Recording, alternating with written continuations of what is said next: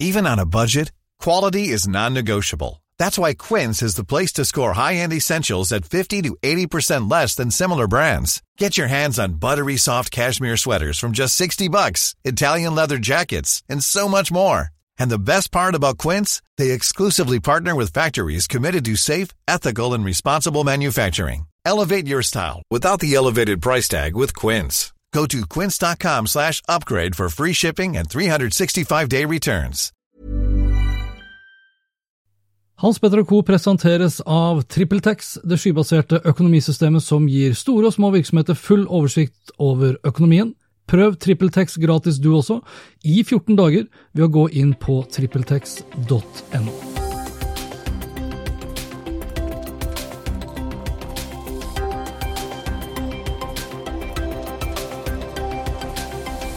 I denne episoden, hvor undertegnedes helse er noe redusert, så får du annet høre mer om disse sakene her. Facebook kopierer Snapchat igjen, og har snart 2,5 milliarder daglige brukere. Regjeringen vil tvinge strømmeleverandørene til å lage mer norsk innhold, og Kina bruker kunstig intelligens til å overvåke og rangere barns konsentrasjonsevne i skolen. Velkommen til Hans Petter og co. Jeg heter Hans Petter, og denne episoden ble spilt inn onsdag 9. oktober. Lenker til alt jeg har snakket om, og øvrige innslag finner du selvsagt på hanspetter.info. Går det slik det ser ut til å gå, så vil Facebook ha 2,5 milliarder daglige aktive brukere, DAU, som det også da blir forkortet til, innen utgangen av dette året her. Og det ifølge da en fersk rapport utgitt av finansnettstedet Learn Bonds. Og for at det skal skje, så må Facebook vokse med rett i underkant av 4% før utgangen av 2019, og klarer de det, så vil de altså da ha en markedsandel på 32% av hele verdens befolkning. I årets andre kvartal så endte Facebook på 2,41 milliarder dau, opp nesten 2% fra første kvartal, eller 4 opp sammenlignet med fjerde kvartal i 2018. Og veksten kommer til tross for alle de mange kontroversene som selskapet har vært involvert i, inkludert f.eks. av hvordan de håndterer dine og mine data. Og LearnBonds skriver følgende på egen nettside. Facebooks eh, DAO fortsetter å vokse til tross for de nåværende kontroversene rundt selskapet, og siden 2008 har selskapets eh, antall daglige brukere vokst i hvert eneste kvartal. I dag så finnes det mer enn 7,7 milliarder mennesker i verden. 3,34 av de er derimot ikke internettbrukere. Og det gjør at nesten seks av ti mennesker som er på internett, også er Facebook-brukere. Men det hindrer ikke Facebook i å ønske å vokse enda mer, både i antall brukere og i tjenester. Nylig så lanserte Facebook eh, nok en gang en Snapchat-kopi, Threads denne gangen, en slags eh, lillesøster-app til Instagram, som NRK Beta omtalte den som, hvor kamera står i fokus, slik det også da gjør på Snapchat. Formålet er å gjøre det enda enklere å dele bilder og andre statusoppdateringer med dine nærmeste. Og med snart 2,5 milliarder daglige brukere, så skulle jo det meste være lagt til rette for at Threads kan lykkes. Samtidig så har Facebook også lansert en rekke andre tilsvarende tjenester som på ingen som helst måte har blitt en suksess. Uansett så går ikke det her upåaktet hen. Wall Street Journal skrev i september om Project Voldemort, som er Snapchats interne dokumentasjon på alle de tilfeller hvor de mener Facebook har brukt sin makt mot dem. Mest kjent er nok eh, Instagram Stories, som da Instagram lanserte i sin app tilbake i 2016. Og det er vel på mange måter den største suksessen med Instagram nå til dags. Jeg har uh, selvsagt lastet ned Threads og testa det ut en ukes tid, og personlig så vil jeg si at jeg klarer meg strålende uten Threads, men uh, så klarer jeg meg også strålende uten Snapchat. Om litt så skal du få høre mer om regjeringen som vil tvinge Netflix og de andre strømmegigantene til å lage flere norske filmer og serier, men først det her. Jeg tror det er stor sannsynlighet for at du som hører på vil få behov for check-in, et norsk påmeldingssystem som hjelper deg å bruke mindre tid på administrasjonen av ditt seminar eller konferanse, og mer tid på å skape det beste arrangementet. Check-in automatiserer mange av de administrative oppgavene og frigjør derfor tid, og nettopp derfor har virksomheter som Oslo Business Forum, Dagens Næringsliv, Netlife Design og Kreativt Forum fått en bedre hverdag etter at de valgte check-in. Sjekk ut check-in nå på check-in.no slash Hans Petter. Kulturdepartementet vil tvinge Netflix, HBO og Amazon og andre slike selskap til å lage mer norsk TV og film. Men det kan bety at prisen for å abonnere på disse tjenestene kan stige. Det vi hørte her var et lite klipp fra Dagsrevyen 7.10, hvor kulturminister Trine Skei Grande vil innføre krav om en norskandel hos strømmetjenestene Netflix, HBO og Amazon. Til NRK så sier Trine Skei Grande at de nå vil foreslå å innføre et krav til alle som leverer strømmetjenester i Norge, at en viss andel av det de leverer skal være norske produkter. Og det er jo forståelig. Altså Det er forståelig at regjeringen ønsker å få en del av den inntektsstrømmen som strømmegigantene genererer. Tidligere så fikk jo staten store inntekter gjennom avgifter på DVD-salget, som igjen ble videresendt til produsentene. Ifølge NRK har faktisk da over to milliarder kroner flytta seg fra DVD-salg og over til strømmetjenestene de siste ti årene men det uten at produsentene her til lands har fått noe ut av det. Så med kravet om en norskandel har Grande altså stoppet en modell med strømavgift, men heller da sett på en andel som skal være norskrelatert. Jeg var en kort tur innom NRK Dagsrevyen selv mandag 7. oktober for å kommentere norskandelen hos strømmeleverandørene og hva det potensielt vil bety. Når kostnadene for Netflix går opp, og de blir pålagt å produsere mer, så må de jo plassere disse kostnadene et eller annet sted, og da er det naturlig å anta at det vil komme til oss. Det er sjelden at alt man sier i et intervju blir brukt på TV, eh, og det var tilfellet her også. Det var ganske mye mer jeg eh, nevnte til NRK Dagsrevyen, eh, opp imot hva som faktisk da endte opp med å bli brukt. og Derfor har jeg bare lyst til å utdype litt mer hva jeg tror kan skje i den situasjonen her.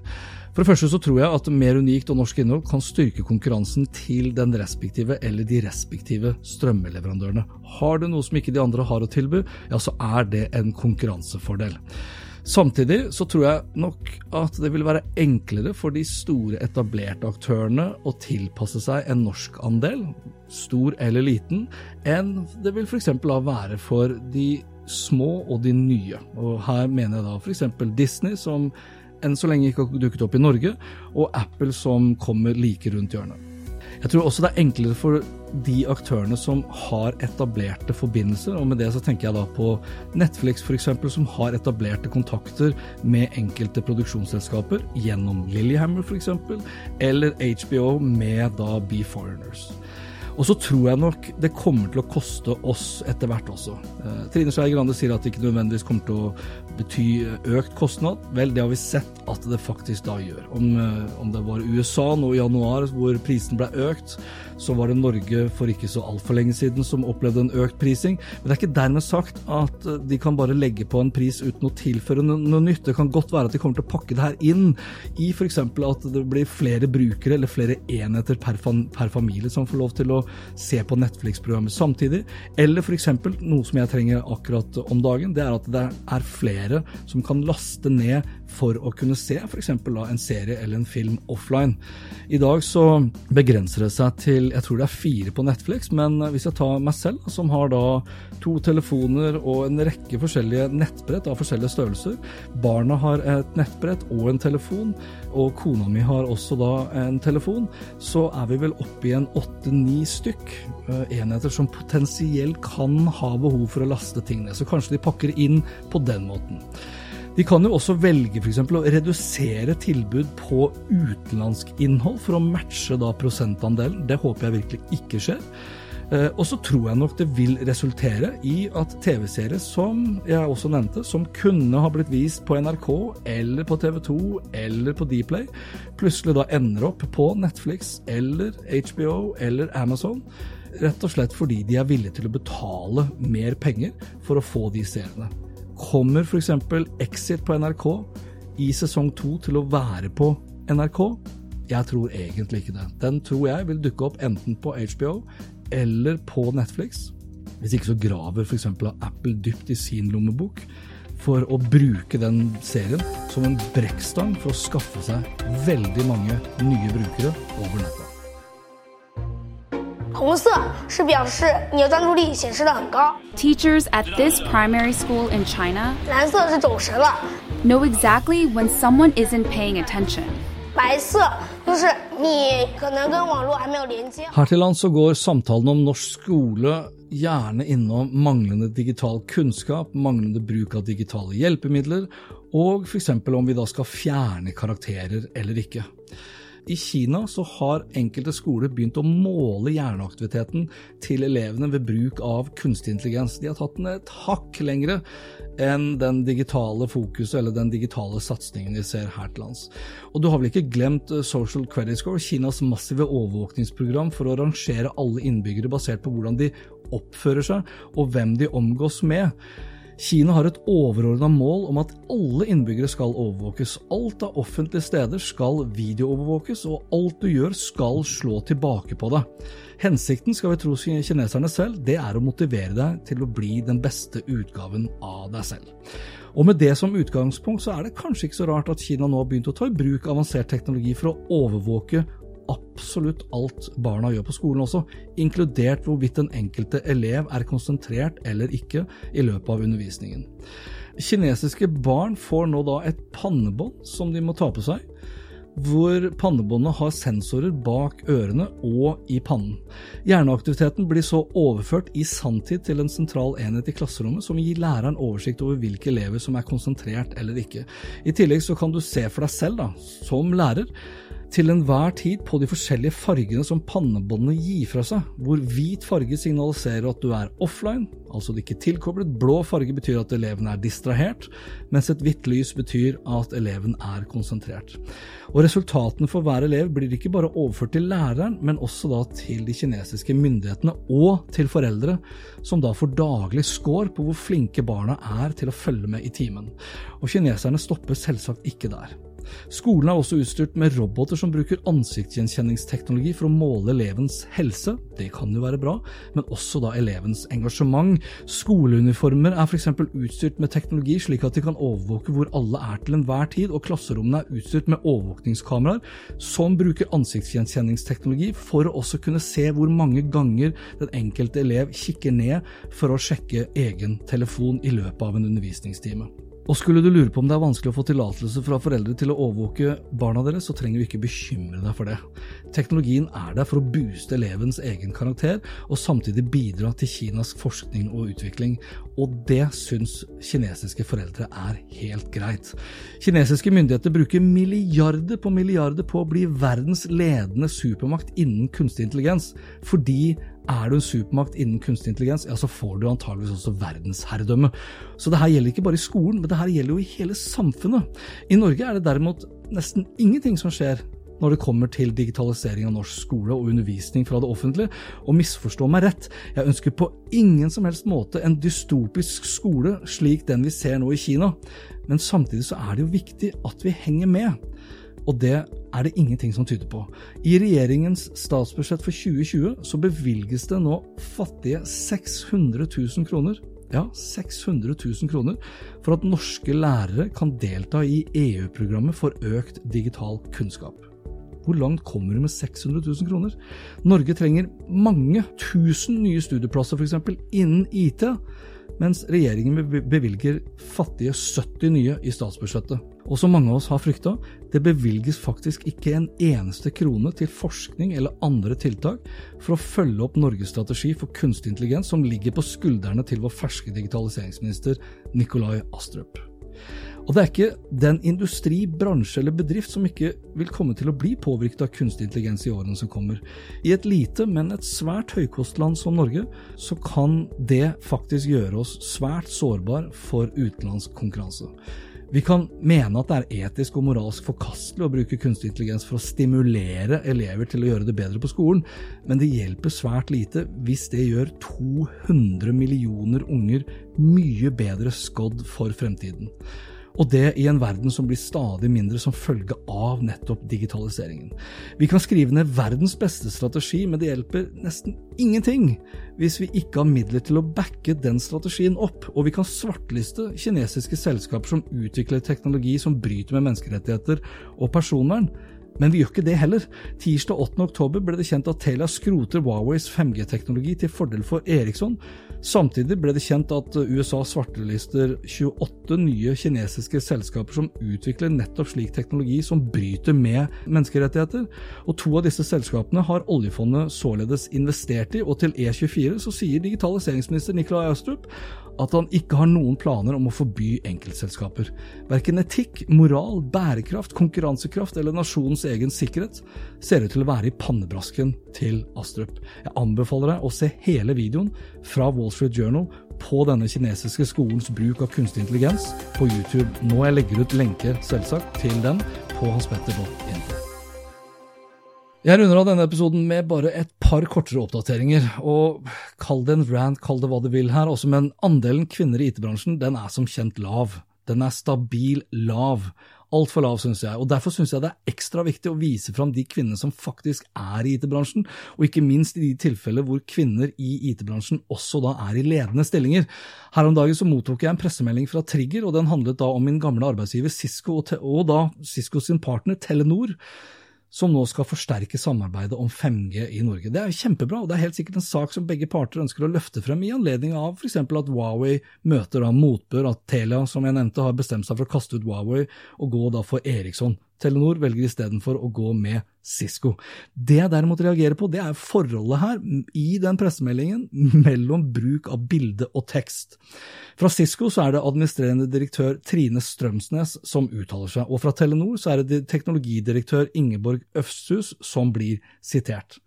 Men på bildet, det eneste bildet i pressemeldingen fra Trigger, altså er det to mannfolk. Og for all del, det er ikke hvilke som helst mannfolk. Det er Sigve Brekke, som er toppsjefen i Telenor, og det er Chuck Robins, som er toppsjefen i Cisco. Men kom igjen, da. Ærlig talt, altså her blir mannfolka brukt som posterboys for en mannsdominert bransje, mens det er kvinnelige ledere som faktisk uttaler seg, og det samtidig som vi forsøker å øke den kvinnelige andelen i IT-bransjen. Er det mulig? Trigger? Altså, er, er det Cisco som har bestemt det her? Er det Trigger som, som har bestemt det her? Skjerpings, folkens! Uansett hvor sjuk jeg måtte være, så ble jeg sint, men ok, jeg skal gå fra sint til melankolsk. Uh, og det den siste saken på programmet i dag. For 5. oktober, bare for noen dager siden, så var det åtte år siden faktisk Steve Jobs gikk bort, og det er kun 56 år gammel. For åtte år siden så var det kun halvannet år gått siden Apple lanserte iPad. Uh, det føles jo i dag som en evighet siden. For iPad og nettbrett det har liksom alltid vært der. Og han døde da uken før Apple lanserte iPhone 4S, og i dag sitter vi da med iPhone 11. Jeg skal ikke legge så veldig mye mer i det enn det, men jeg har lyst til å runde av med en favorittreklame, som jeg da spilte av mange ganger eh, de dagene i etterkant av eh, Steve Jobs sin bortgang, og det er selvsagt The Crazy Ones fra 1997.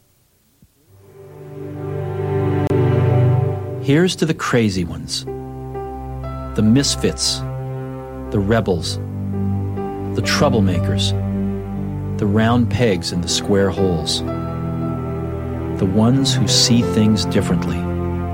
They're not fond of rules, and they have no respect for the status quo. You can quote them, disagree with them, glorify or vilify them. About the only thing you can't do is ignore them because they change things. They push the human race forward. While some may see them as the crazy ones, we see genius. Because the people who are crazy enough to think they can change the world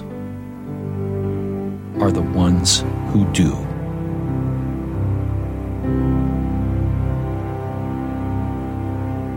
Og dette var det for denne gang. Eh, til neste episode så regner jeg med at helsa er litt bedre. Likte du det du hørte og vil forsikre deg om at du får med deg de neste episodene, da kan du bl.a. abonnere på Hans Petter Co. på Apple Podcaster, ellers er podkasten også tilgjengelig på Spotify, Acast, Google Podcast, Overcast og TuneIn Radio.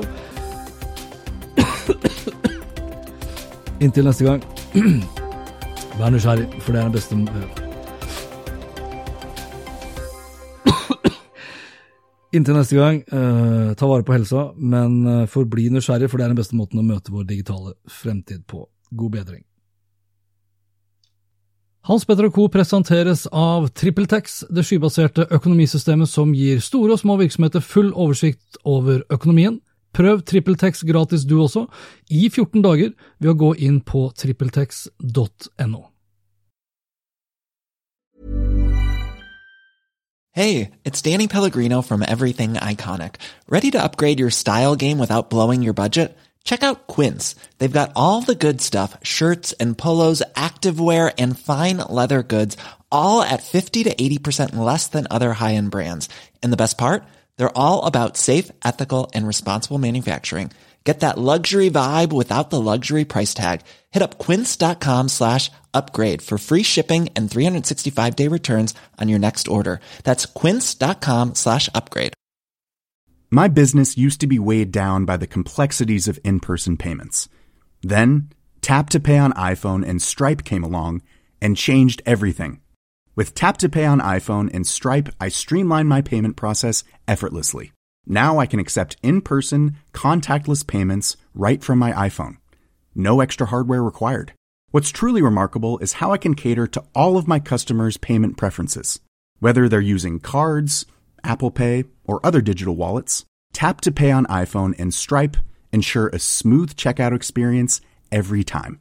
And it's not just me. Stripe helps businesses of all sizes, from local markets to global retailers, scale quickly and stay agile. To learn how Tap to Pay on iPhone and Stripe can help grow your revenue and reach, visit stripe.com slash tap iPhone.